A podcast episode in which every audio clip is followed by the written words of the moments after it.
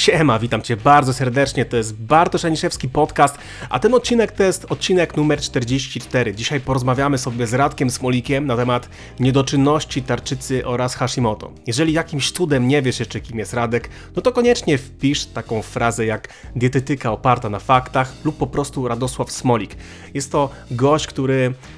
walczy z mitami, który pragnie przedstawić świat dietetyki w sposób najbardziej racjonalny. Każdy swój artykuł, każdy swój film opiera na badaniach, więc myślę, że jest to jedna z najbardziej rzetelnych osób, które mogłem zaprosić właśnie na dzisiejszy odcinek. Jeżeli jesteś osobą, która boryka się z dzisiejszym tematem, koniecznie posłuchaj do końca i działaj.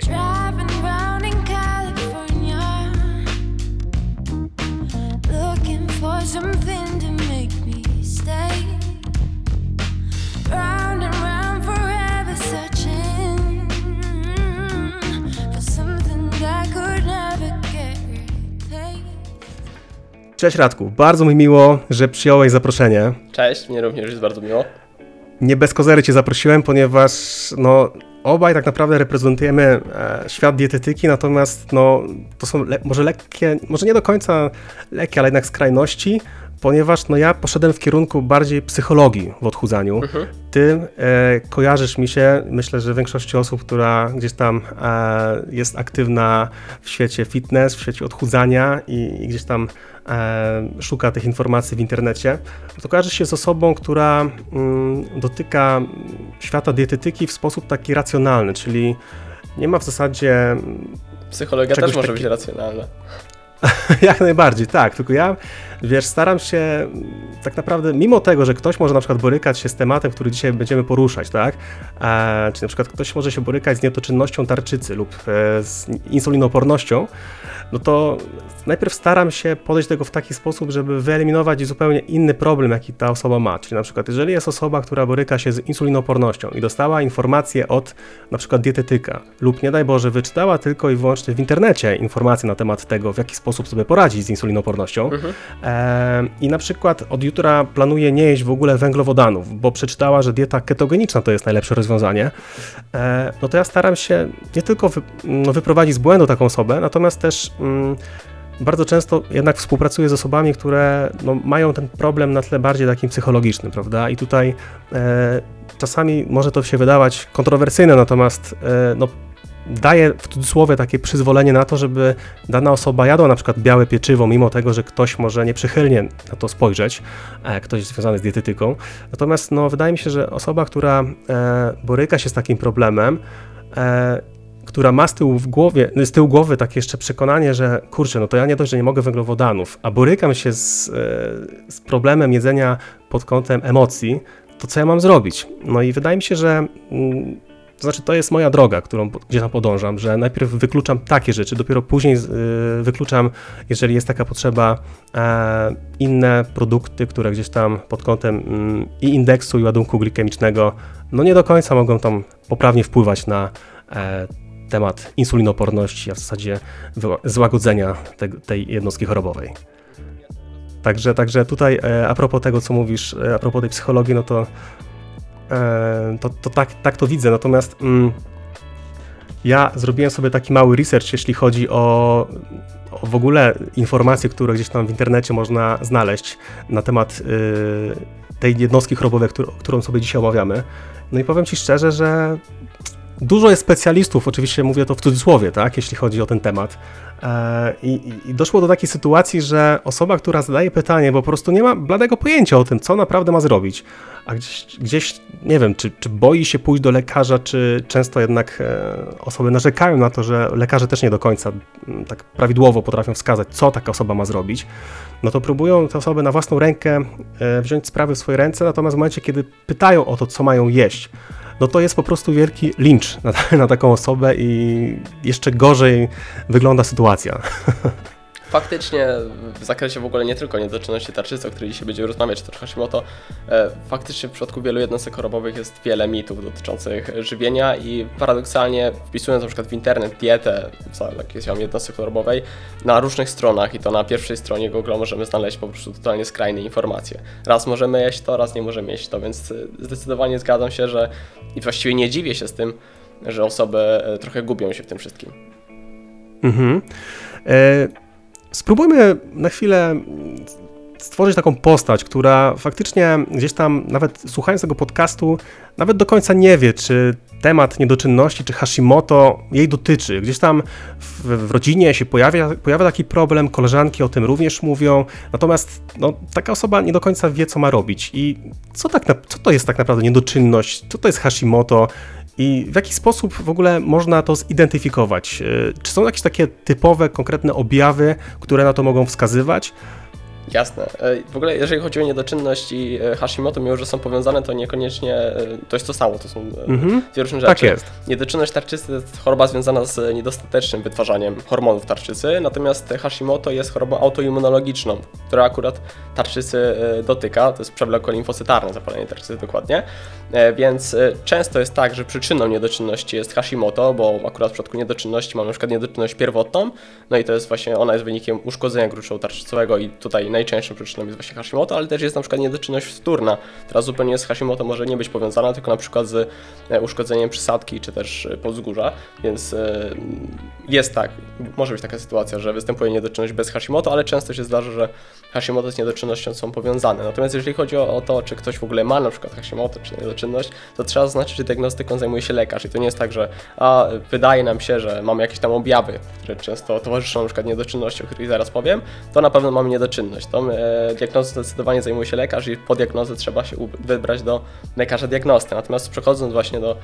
mm, na przykład objawów takich charakterystycznych, to z tym jest trochę problem, z tego względu, że mm, w przypadku samego Hashimoto to nie ma jakichś takich charakterystycznych objawów w przypadku samej samego zapalenia tarczycy Hashimoto, natomiast w przypadku mm, niedoczynności tarczycy z tym jest taki problem, że jest ich bardzo dużo i często one są takie niespecyficzne, mogą dotykać wielu różnych płaszczyzn i właściwie wymieniać tych wszystkich objawów, które mogą dotykać niedoczynności tarczycy można byłoby wiele minut. Przede wszystkim często wspomina się właśnie o takich niespecyficznych objawach jak zmęczenie, jak e, zwiększenie masy ciała, jak e, suchą skórę, zwiększone ryzyko przykład depresji. To wiesz, są trochę takie objawy, które mogą dotyczyć wielu różnych innych jednostek chorobowych, a nawet często niekoniecznie e, jednostek chorobowych. Takie objawy jak zmęczenie mogą towarzyszyć nam po prostu przy słabym dniu, więc e, generalnie tych objawów jest bardzo dużo. Czasami są takie trochę bardziej charakterystyczne, jak zwiększona wrażliwość na zimno, generalnie na przykład odczuwanie właśnie e, bardziej zimna, mm, czy też problem może się pojawić na tle miesiączek, to też może właśnie wpływ- na zaburzenia miesiączkowania, więc tych e, objawów potencjalnie jest wiele i często w ogóle, jeżeli chodzi o Hashimoto czy niedoczynność, e, istnieją sytuacje, że przez wiele lat osoby zmagają się z tą jednostką chorobą, a mimo wszystko nie są zdiagnozowane, bo właśnie często wypada tak, że mm, ta diagnoza wychodzi przy okazji np. badań profilaktycznych. Idziemy zbadać się raz na czas, to badamy m.in. właśnie TSH, czasami właśnie trochę głębszą diagnostykę jak FT3, FT4 i nagle wychodzi, że pojawia się jakiś tam problem. Czasami idziemy na USG i przy USG wychodzi, więc e, właśnie przechodząc trochę może diagnostyki, to w przypadku e, diagnozy mm, niedoczynności kluczowe jest stężenie takich hormonów właśnie jak TSH, FT3 i FT4. Tu zwraca się uwagę, że w przypadku jawnej takiej niedoczynności to TSH jest podwyższone, natomiast e, FT3, FT4 są obniżone. Jest jeszcze subkliniczna niedoczynność, gdzie TSH tylko jest podwyższone, a e, hormony takie jak FT3, FT4, hormony tarczycy są w normie. Natomiast w przypadku Hashimoto dochodzi do tego właśnie ta autoagresja, czyli ta choroba autoimmunologiczna, jak wspomniałem, i tam dochodzi do tego, że wzrasta poziom przeciwciał, no i do tego obserwuje się taki charakterystyczny e, obraz w przypadku USG tarczycy. Natomiast tak jak wspomniałem, diagnostyką zajmuje się lekarz i to jest e, kluczowe, żeby to z nim e, konsultować wszystko. Mhm. Ale wiesz co, to jest, to, to jest to, co powiedziałeś przed chwilą jest mega istotne, bo właśnie o to miałem cię zapytać, ale wiesz co, czasami mam wrażenie i, i często właśnie osoby piszą do mnie z takim problemem, że na przykład e, faktycznie e, stwierdziły, że lekarz będzie najlepszym rozwiązaniem, natomiast no, na przykład lekarz twierdzi, że robimy w takim razie tylko i wyłącznie TSH, już e, nie zważając na to, jaka może być tutaj e, dalsza okoliczność związana z FT3, FT4, tak? Tylko TSH jest jedynym takim wyznacznikiem, to po pierwsze, a często jest tak, że no, to też to jest też kontrowersyjne, no bo y, czasami jest tak, że TSH jest w normie. I czy, jeżeli jest w normie, to, to znaczy, że w takim razie bagatelizujemy już ten problem i to znaczy, że problem niedoczynności nas nie obowiązuje? Czy, czy może być tak, że mimo tego, że jest w normie, to te widełki e, coś sugerują i, i, i, ta, i ta norma też w jakimś jednak kierunku idzie konkretnym? Znaczy to jest e, trochę e, zagmatwane, bo w zależności od tego, czy mówimy o niedoczynności, czy o Hashimoto, to występują różne takie kryteria diagnostyczne. E, O ile w przypadku niedoczynności, no to TSH musi być podwyższone, o tyle w przypadku Hashimoto często wystarcza na przykład podwyższony poziom przeciwciał i dodatkowo na przykład nieprawidłowy obraz USG. Natomiast e, nie musi występować taka niedoczynność, bo Hashimoto może być przyczyną niedoczynności i często do tego prowadzi, ale na początku na przykład może występować w ogóle nadczynność tarczycy. Więc, te, więc to są trochę właśnie niekoniecznie, są powiązane, ale nie występują zawsze ze sobą jednostki. Natomiast w przypadku niedoczynności faktycznie to TSH będzie podwyższone. Natomiast trzeba zaznaczyć, że to jest też problem taki nieco diagnostyczny właśnie z tego względu, że te parametry takie jak zarówno przeciwciała, zarówno TSH, jak i hormony tarczycy mogą się wahać i czasami są niekiedy ponad normę, co nie wynika z niedoczynności tarczycy, ani nie wynika z Hashimoto. Też zresztą no, trzeba zaznaczyć, że tych chorób tarczycy jest znacznie więcej. Tu mogą być znacznie poważniejsze rzeczy, jak nowotwór na przykład, jak e, mogą się pojawić wole tarczycy, mogą się pojawić wiele różnych tam na przykład zapaleń tarczycy, które niekoniecznie są związane z niedoczynnością, czy są związane z Hashimoto. To jedna sprawa, a druga sprawa, że istnieje wiele kwestii, które wpływają na e, poziom TSH, na przykład może być poziom TSH nieprawidłowy przy braku chorób tarczycy, na przykład y, może to być związane z ciążą, czyli zupełnie normalnym stanem, nieko- niekoniecznie chorobowym, na przykład niektóre leki, tak jak e, leki przeciwdepresyjne, czy też sterydy mogą niektóre wpływać na poziom TSH, e, powodując jego nieprawidłowe wyniki. Też takie sytuacje jak e, na przykład odchudzanie się, odchudzanie się, takie głębokie restrykcje energetyczne, odchudzanie przez się przez dłuższy czas stosowanie głodówek może w konsekwencji prowadzić do nieprawidłowych poziomów e, TSH. Oczywiście tych kwestii jest znacznie więcej, niektóre choroby mogą to powodować, e, więc e, trzeba to zaznaczyć. Tak samo w przypadku FT3, FT4 również. Akurat tu taką ciekawostkę dodam, że w przypadku FT3, FT4 często nieprawidłowe ich wartości mogą powodować leki przeciwzapalne i przeciwbólowe.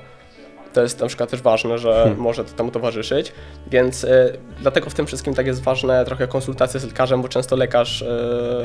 y, o te rzeczy wypyta i tym samym on stwierdzi na tej podstawie przez swoją wiedzę,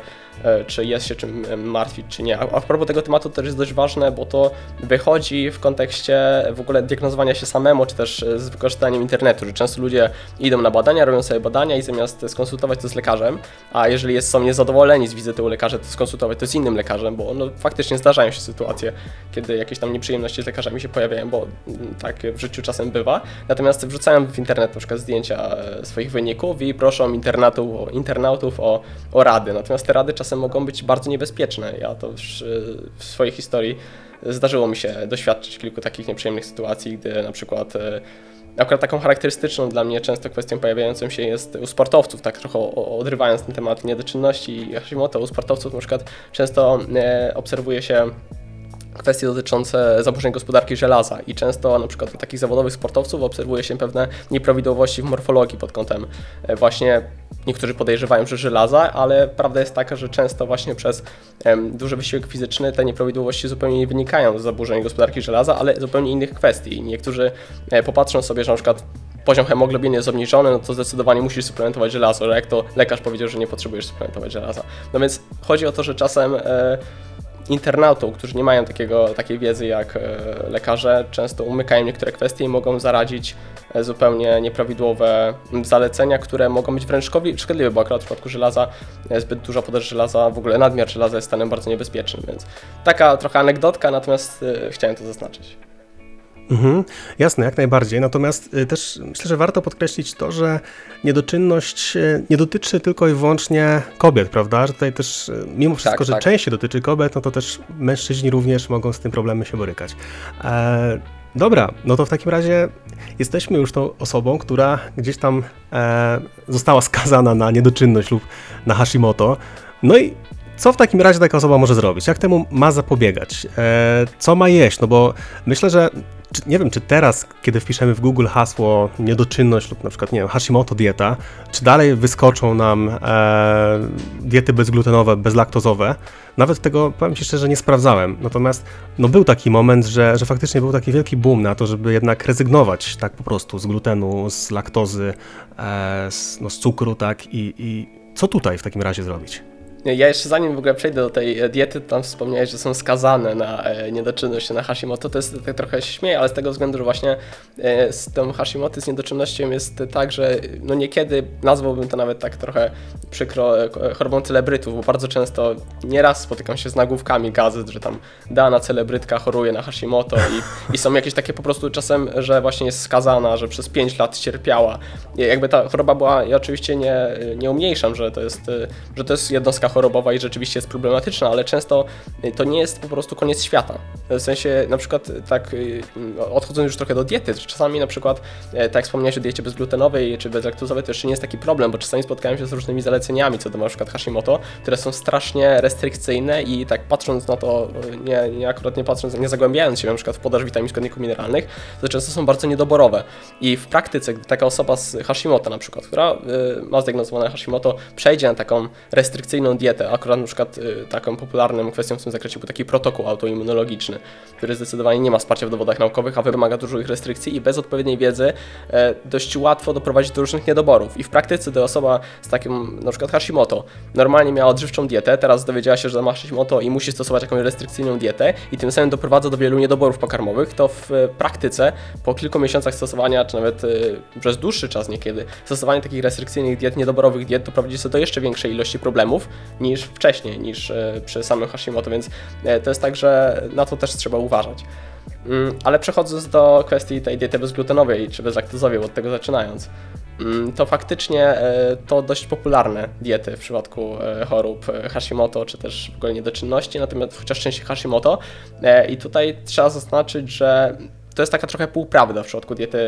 y, bezglutenowej z tego względu, że sama w sobie Hashimoto nie wymaga stosowania diety bezglutenowej i sama w sobie dieta bezglutenowa w przypadku Hashimoto nie, nie będzie pomagała. Natomiast problem jest taki, że choroby autoimmunologiczne chodzą parami. Często to jest takie takie e, sformułowanie dość popularne, że bardzo często zdarza się tak, że jeżeli występuje jedna choroba autoimmunologiczna, to ona jest też czynnikiem ryzyka wystąpienia innych chorób autoimmu- autoimmunologicznych, że często występują kolejne, natomiast tych chorób auto- autoimmunologicznych oczywiście jest znacznie więcej, jest tam ich zresztą ponad 100, ale jedna z takich chorób autoimmunologicznych na przykład jest celiakia, czyli choroba, która wymaga e, diety bezglutenowej, zdecydowanie. E, więc w przypadkach, ak- akurat tam są statystyki, że około 5% osób z Hashimoto może e, e, chorować też również na celiakię. W przypadku ogółu populacji jest to około 1%, stąd jest to zdecydowanie więcej, więc jest, takie, jest jakieś prawdopodobieństwo, że osoby, które mają Hashimoto będą mieć również, czy też już mają e, celiakię w takim przypadku zdecydowanie dieta bezglutenowa może się okazać pomocna, więc u tych około 1 na 20 osób e, faktycznie wprowadzenie takiej diety bezglutenowej może zdecydowanie pomóc na wielu kwestiach, bo też e, celiakia nie zawsze musi być e, objawowa, natomiast e, niekiedy pojawia się jakieś dolegliwości strony układu pokarmowego, pojawiają się anemie, pojawiają się różnego rodzaju niedobory, więc faktycznie wówczas wprowadzenie diety bezglutenowej będzie pomocne, ale nie z tego względu, że osoba miała Hashimoto i wprowadziła dietę bezglutenową, tylko przez to, że miała celiakię, co towarzyszyło akurat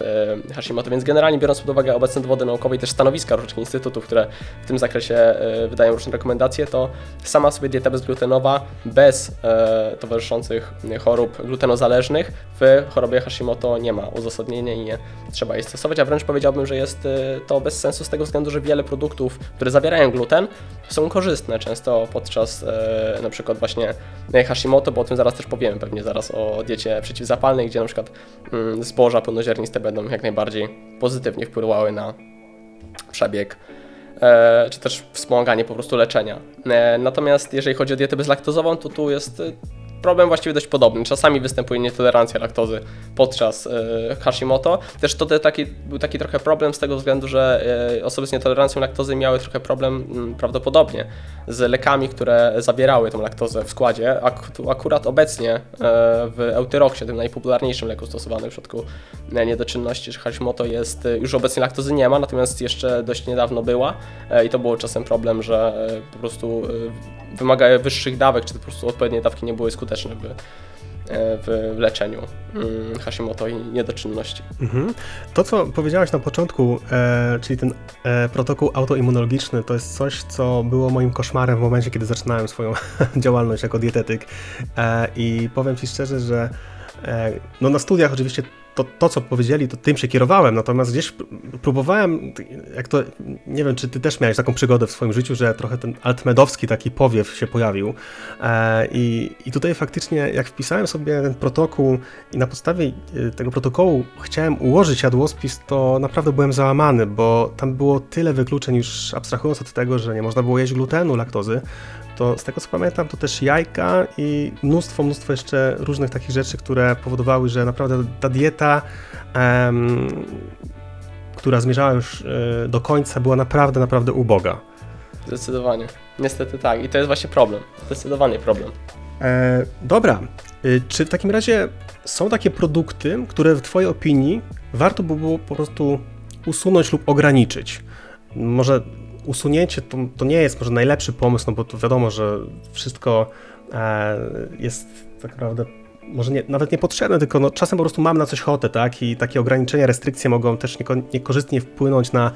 e, naszą relację z jedzeniem. Natomiast czy są takie produkty, które uważasz, że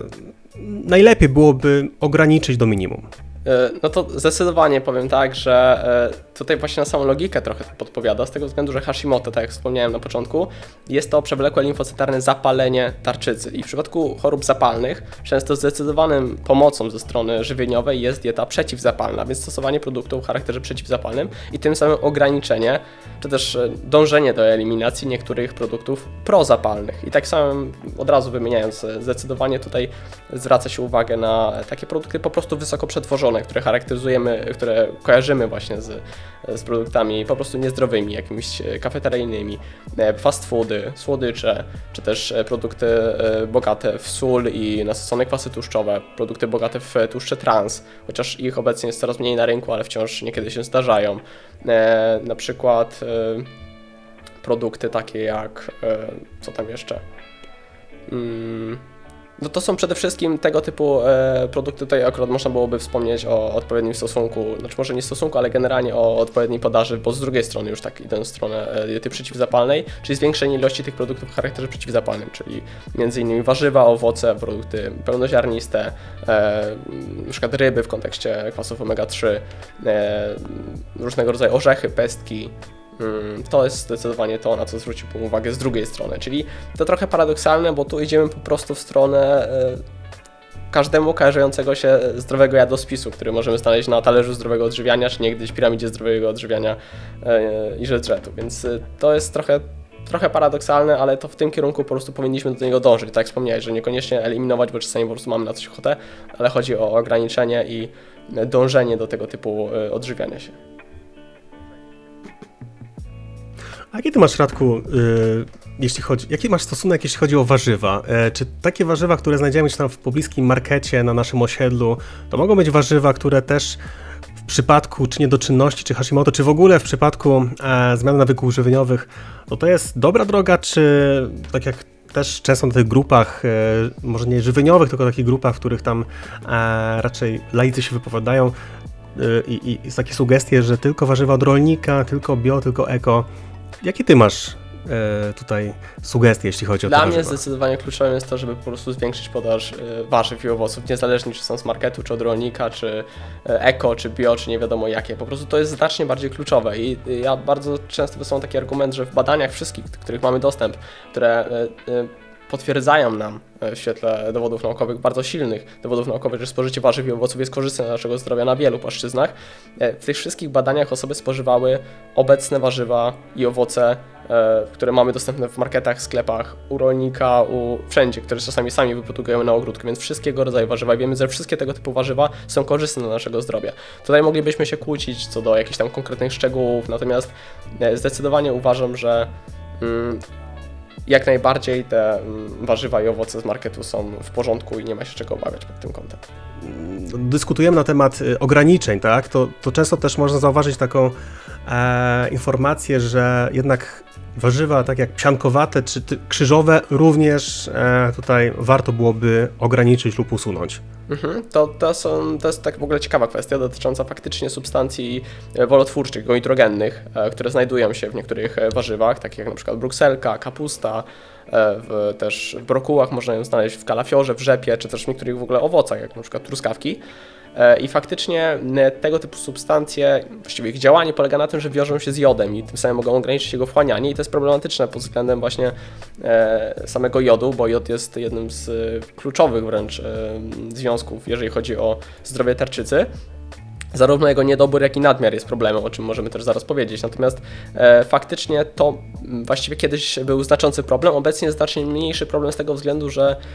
przez jodowanie soli e, to odpowiednie spożycie jodu jest e, no, coraz bardziej, coraz częściej spełniane. Natomiast e, oczywiście niedobory się zdarzają, ale faktycznie w sytuacji odpowiedniej podaży jodu e, substancje e, goitrogenne nie będą problemem. Natomiast w sytuacji, gdy występuje niedobór jodu, czy też z samą dietą często dostarczamy zbyt mało jodu, co też paradoksalnie często występuje na przykład na dietach właśnie roślinnych, gdzie dodatkowo te warzywa e, się pojawiają, tam wówczas e, często przez to, że jod występuje w takich produktach jak nabiał, takie produkty jak e, owoce morza, e, ale oczywiście, tak jak wspomniałem też w soli jodowanej, ale jeżeli mamy osobę, która dodatkowo na przykład mało soli, czy też w ogóle używa soli niejodowanej, co się też w dzisiejszych czasach niestety przez modę, przez również modne rzeczy zdarza, jak na przykład sól himalajska bywa niekiedy niejodowana, na co trzeba uważać, to faktycznie wówczas z tym jodem może być problem i e, ograniczenie tych, tych e, w ogóle produktów, e, czyli substancji goitrogennych źródeł, substancji goitrogennych, jak niektóre warzywa, e, może być zalecane, natomiast e, po prostu często w zaleceniach, czy też e, generalnie w badaniach jest tak, że umiarkowana ich ilość nie będzie problematyczna. Gdy ktoś po prostu przesadza z spożyciem, albo spożywa w każdym posiłku ogromne ilości, to może być problem, ale w praktyce, gdy spożywa się odpowiednie ilości jodu, to to nie jest szczególny problem. Dobra, przejdźmy w takim razie do suplementacji. Czy jest tutaj jakiś złoty środek, który spowoduje, że gdzieś tam możemy sobie z tą niedoczynnością trochę lepiej poradzić? E, Znaczy, faktycznie niektóre e, są mm, takie substancje, m.in. witamina D, ponieważ w przypadku e, no nie tylko właściwie osób z niedoczynnością czy z Hashimoto, jak generalnie wśród na przykład populacji polskiej, niestety niedobór witaminy D zdarzają się niezwykle często i suplementacja witaminy D nie tylko w przypadku Hashimoto i niedoczynności jest zalecana, ogólnie jest zalecana na terenach Europy Środkowo-Wschodniej, więc u osób, które mają niedoczynność Hashimoto również jest zalecana, więc e, zdecydowanie e, sam niedobór witaminy D też jest czasami problematyczny i też jest jedną z kwestii, o których się wspomina w kontekście e, czynników środowiskowych czy czynników żywieniowych, które mogą zwiększyć ryzyko wystąpienia niedoczynności czy Hashimoto, bo trochę nie, nie porozmawialiśmy na ten temat, ale faktycznie jeżeli chodzi o przyczyny na przykład Hashimoto, to one nie są do końca poznane, nie wiemy w ogóle jaka jest taka jedna przyczyna, natomiast sądzimy, że mm, jest to takie powiązanie przyczyn genetycznych i środowiskowych, przy czym w przypadku tych środowiskowych jest ich e, no wiele, to może być zarówno stres, może być zarówno palenie, ale również kwestie żywieniowe, takie jak właśnie nadmiar czy niedobór jodu, e, niedobór selenu, czy też e, niedobór witaminy D także może być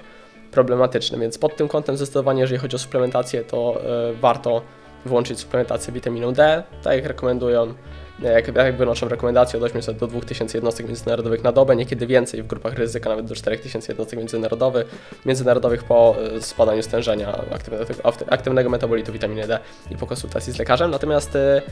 e, inną taką sprawą, mniej oczywistą potencjalnie jest selen. To jest trochę sprawa kontrowersyjna, bo to nie jest tak, że mm, nie mamy jakichś takich sztywnych rekomendacji, że należy włączać suplementację seleny, natomiast e, często w praktyce się z tym zdarza, spotykam, przepraszam, że e, lekarz też sam zaleca suplementację selenem, to niekiedy e, faktycznie może być pomocne z tego względu, że często obserwuje się niedobór selenu i też w badaniach niekiedy obserwuje się, że suplementacja selenem e, doprowadza do poprawy generalnie, czy też spadku poziomu TSH, czy też wzrostu poziomu hormonów tarczycowych. Natomiast tutaj w przypadku witaminy D jest problem taki, że z żywieniem jest bardzo trudno dostarczyć optymalnych ilości witaminy D. Tutaj przede wszystkim są to właśnie owoce morza czy ryby, a w dużych ilościach musielibyśmy je spożywać i tak się w praktyce często nie zdarza. Stąd zaleca się suplementację rutynową. W przypadku selenu no nie jest tak trudno dostarczyć optymalnych ilości. W sensie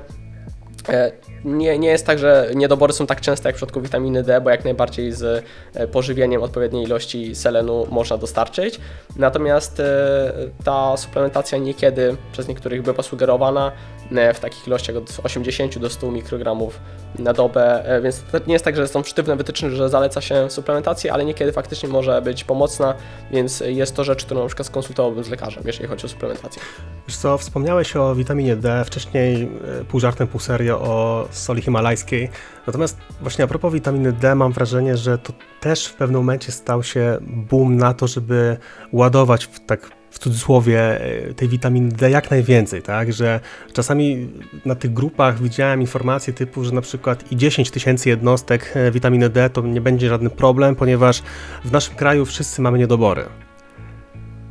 No nie, znaczy ja z tym zdecydowanie nie zgadzam. Faktycznie to witaminą D poszło czasem w złą stronę, jeżeli chodzi o dawki, e, bo zalecana, zalecane dawki, tak wspomniałem, wynoszą do 800 do 2000 i to jest e, dawka wystarczająca do e, utrzymania czy też podniesienia często poziomu 25HD3. Natomiast wysokie dawki faktycznie nie dość, że mogą być problematyczne, doprowadzające do nadmiaru, to generalnie Europejski Urząd do Spraw Bezpieczeństwa Żywności uznał dawki e, za wyższe, wyższe niż 10 tysięcy jednostek międzynarodowych na dobę za e, niebezpieczne i po prostu takich dawek bym nie przekraczał. Natomiast e, to trochę było problematyczne pod tym kątem, że niekiedy suplementację zaleca się nie taką, że codzienną, tak jak ja tutaj mówię o dawce dziennej, to niekiedy zaleca się wysoką dawkę podawaną raz na przykład w miesiącu. I to też okazuje się mniej skuteczne i też trochę bardziej problematyczne, więc zdecydowanie bardziej skłaniałbym się właśnie przy, ku podaży domowej. Mhm. Jeszcze przez chwilę myślę, że bardzo dużo mówiło się na temat połączeń, na przykład połączenia witaminy D3 z K2, że to jest jedyne słuszne rozwiązanie. Jak tutaj sobie z tym poradzić? Czy, to, czy faktycznie musimy w, w tym kierunku pójść? Czy samo e, suplementowanie witaminy D e, może być mniej efektywne? Ja tutaj bym zwrócił właśnie y, uwagę na to samo, co wspomniałem przed chwilą, jeżeli chodzi o to, że dlaczego suplementujemy tą witaminę D. Witaminę D suplementujemy dlatego, że jest problem z podażą z dietą, natomiast jeżeli chodzi o syntezę skórną, która również występuje i jest właściwie głównym źródłem witaminy D, e, to ona występuje faktycznie, natomiast e, w, na terenach Polski, na terenach Europy Środkowo-Wschodniej tylko i wyłącznie w miesiącach letnich i to w ogóle często wciąż jest u niektórych nieefektywnie przez to, jak pracujemy, że pracujemy akurat w tych godzinach, które są najbardziej efektywne pod kątem syntezy e, i w miesiącach takich właśnie od mniej więcej maja kwietnia do września, ta synteza może być efektywna i osoby, które wychodzą na słońce w optymalnych godzinach, w szczególności około południowych, jeszcze mają w krótkim rękawku, w krótkich spodenkach, ta synteza jak najbardziej może być wystarczająca, chociaż to też może zależeć od wielu czynników, jak na przykład y, czy osoba jest starsza, czy młodsza, od pigmentacji skóry, wielu różnych, tam już to nie będziemy wchodzić w szczegółów, natomiast y, to jest przyczyna, dlaczego suplementujemy witaminę D, bo jest y, nieoptymalna jej podaż, w szczególności w miesiącach jesienno-zimowych. Natomiast jeżeli chodzi o witaminę K, no to z nią ten problem nie występuje, ponieważ dość dużo tej witaminy K, w szczególności K1 e, spożywamy z akurat tutaj roślin mm, ciemnozielonych chociażby, natomiast e, tak samo pewne ilości witaminy K w ogóle produkujemy w naszym e, układzie pokarmowym. Natomiast w kontekście witaminy K2 to pewne produkty od zwierzęcych dostarczają również jej ilości, więc problemów z niedoborem tej witaminy na tle populacji nie ma, więc ta suplementacja pod kątem już samym logicznym jest trochę zastanawiająca. No i co ważne, żadne wytyczne, żadne w ogóle mm, szanujące się instytucje dotyczące żywienia, e, dotyczące w ogóle zdrowia nie, nie zalecają suplementacji witaminy K2 razem z witaminą D, dlatego to jest bardziej taki chwyt marketingowy i też bym uważał pod tym kątem, bo to czasem jest nieszkodliwe i właściwie można to suplementować jak ktoś chce, ale czasem może być problematyczne i może być szkodliwe, o tym też chciałbym wspomnieć, na przykład z tego względu, że witamina K jest zaangażowana w krzepliwość krwi, natomiast osoby, które przyjmują leki e, Mm, przeciwzakrzepowe na przykład, u takich osób, w szczególności jeżeli to są antagonisty e, witaminy K, no to może być zdecydowanie problematyczne i wręcz niebezpieczne, więc e, takie e, w szczególności właśnie chodzi tu o osoby starsze, które nieświadomie mogą iść do e, kupić sobie suplement właśnie też z witaminą K, e, więc e, na to bym uważał i ja w swojej praktyce po prostu też zalecam samą witaminę D suplementować w formie mhm, A jeśli chodzi o takie tipy dotyczące właśnie kupna nawet samej witaminy D, czy tutaj jest coś, na co warto zwrócić uwagę. Czy po prostu idziemy do, do apteki, bierzemy pierwszą, lepszą witaminę D e, i działamy.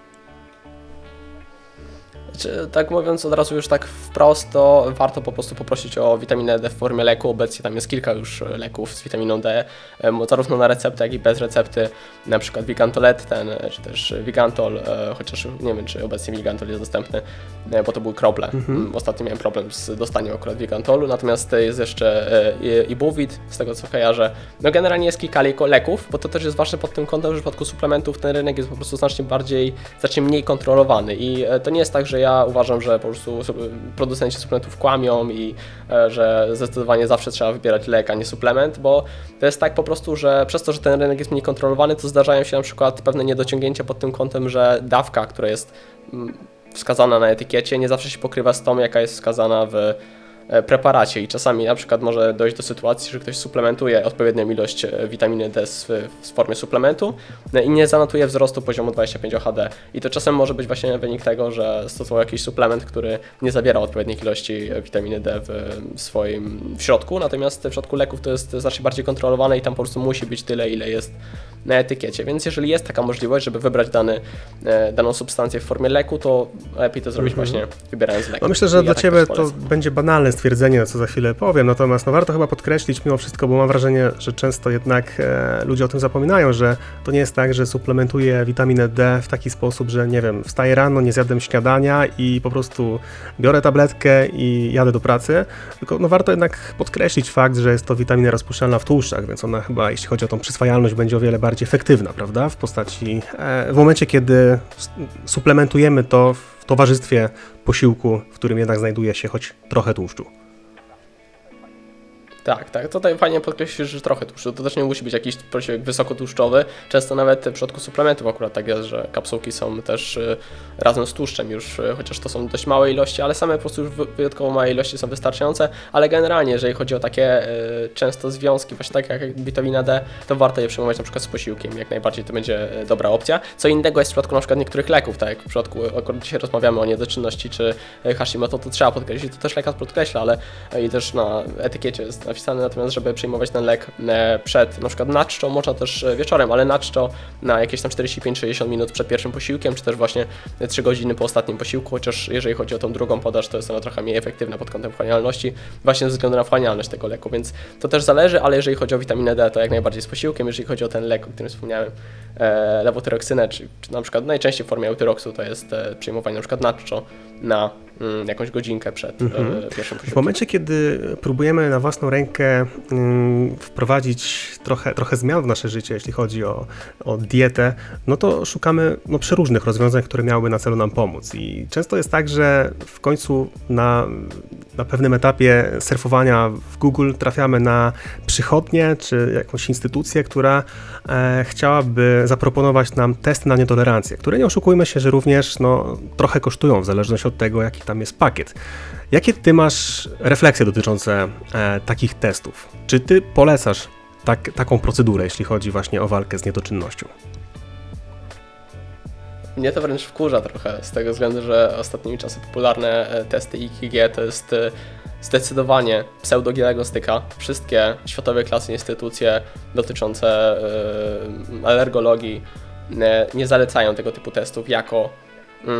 czynnik diagnostyczny, więc e, taką w ogóle skuteczność takich diet eliminacyjnej na podstawie testów IgG wspierają tylko jednostkowe, małe badania i to jeszcze niskiej jakości. E, I dodatkowo często mamy dowody, akurat odbiegając trochę od niedoczynności czy Hashimoto, bo tego typu testy są stosowane w różnych innych kwestiach, na przykład dotyczących zaburzeń ze strony układu pokarmowego, to istnieją dowody, że takie znacznie prostsze eliminacje, na przykład dotyczące diety low FODMAP w przypadku e, na przykład e, zespołu jelita drażliwego, są znacznie bardziej skuteczne niż stosowanie diety eliminacyjnej na podstawie testów IgG. To jest coś, na co zwróciłbym bardzo uwagę z tego względu, że tego typu testy nie są tanie. To są bardzo drogie testy i biorąc pod uwagę ich e, wiarygodność, zdecydowanie ja w swojej praktyce mocno je odradzam. I też w tym zakresie, e, jeżeli ktoś ma wątpliwości, bo w ogóle to jest trochę kruchy temat pod tym względem, że jeżeli mam już osobę, która wydała swoje pieniądze na tego typu testy, no to to jest e, trudne do przekazania, że to wcale nie jest wartościowy wynik, biorąc pod uwagę, że to są bardzo często duże koszta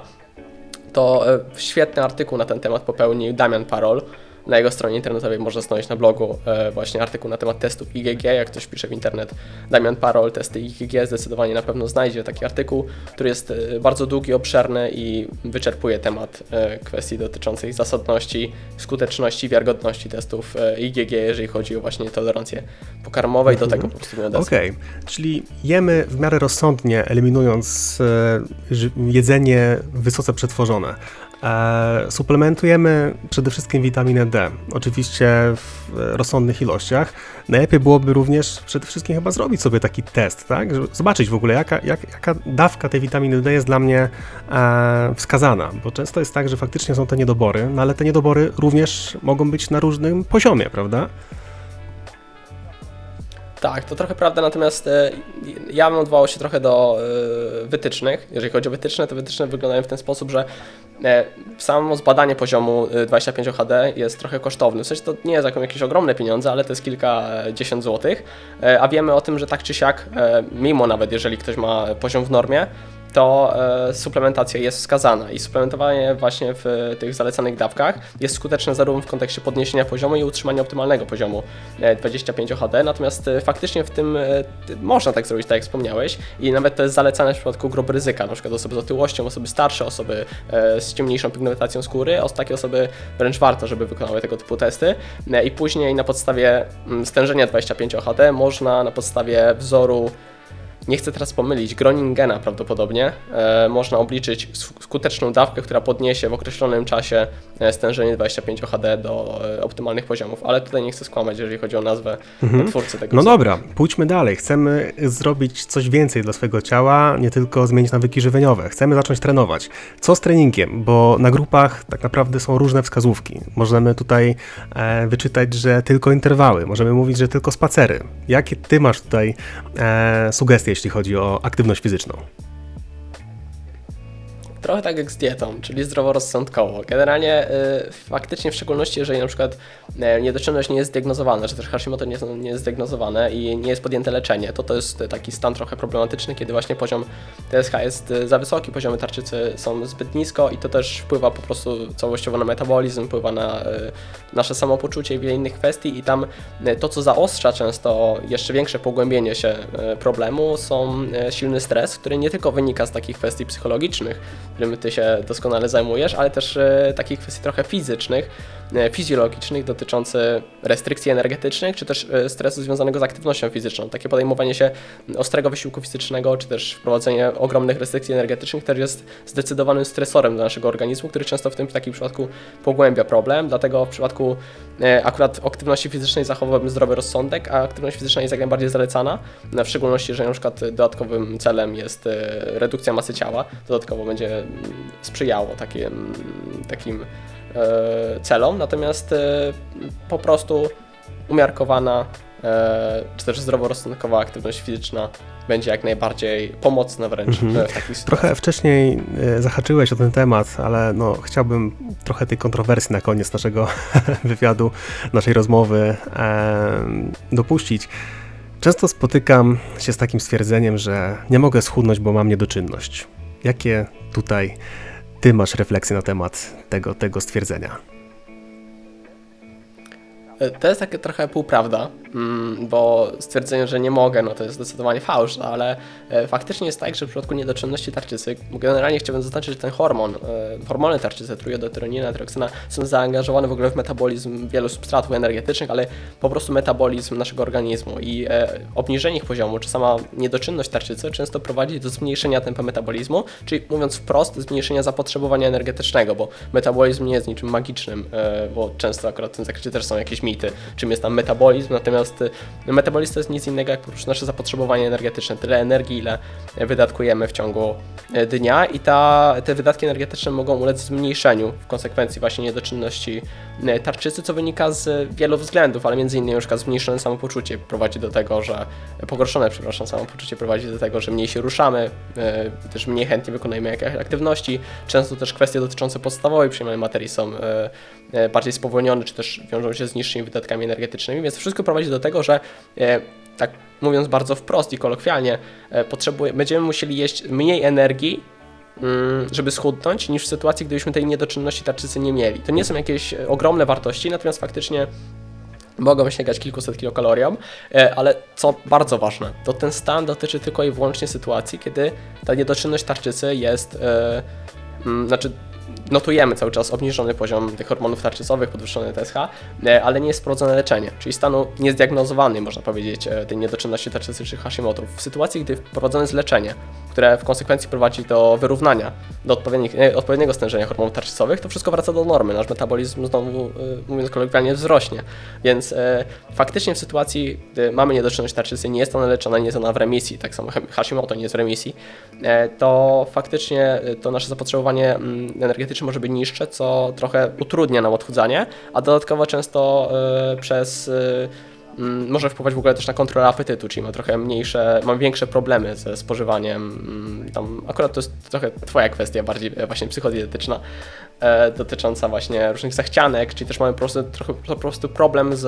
e, spożywaniem mniejszej ilości energii z dietą i to wszystko kulminując się prowadzi do tego, że osoby z niedoczynnością tarczycy mają nieco większe problemy z odchudzaniem niż osoby, które tej niedoczynności na przykład nie mają.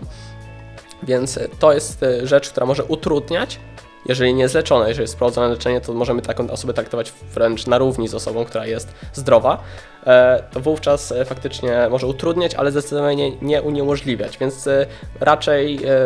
no jest to coś w kierunku wymówki, bo jak najbardziej takie odchudzanie, jeżeli jest wprowadzony deficyt energetyczny, jak najbardziej jest możliwe, ale jest utrudnione po prostu co, ja też y, mam wrażenie, że często jest też tak, że przynajmniej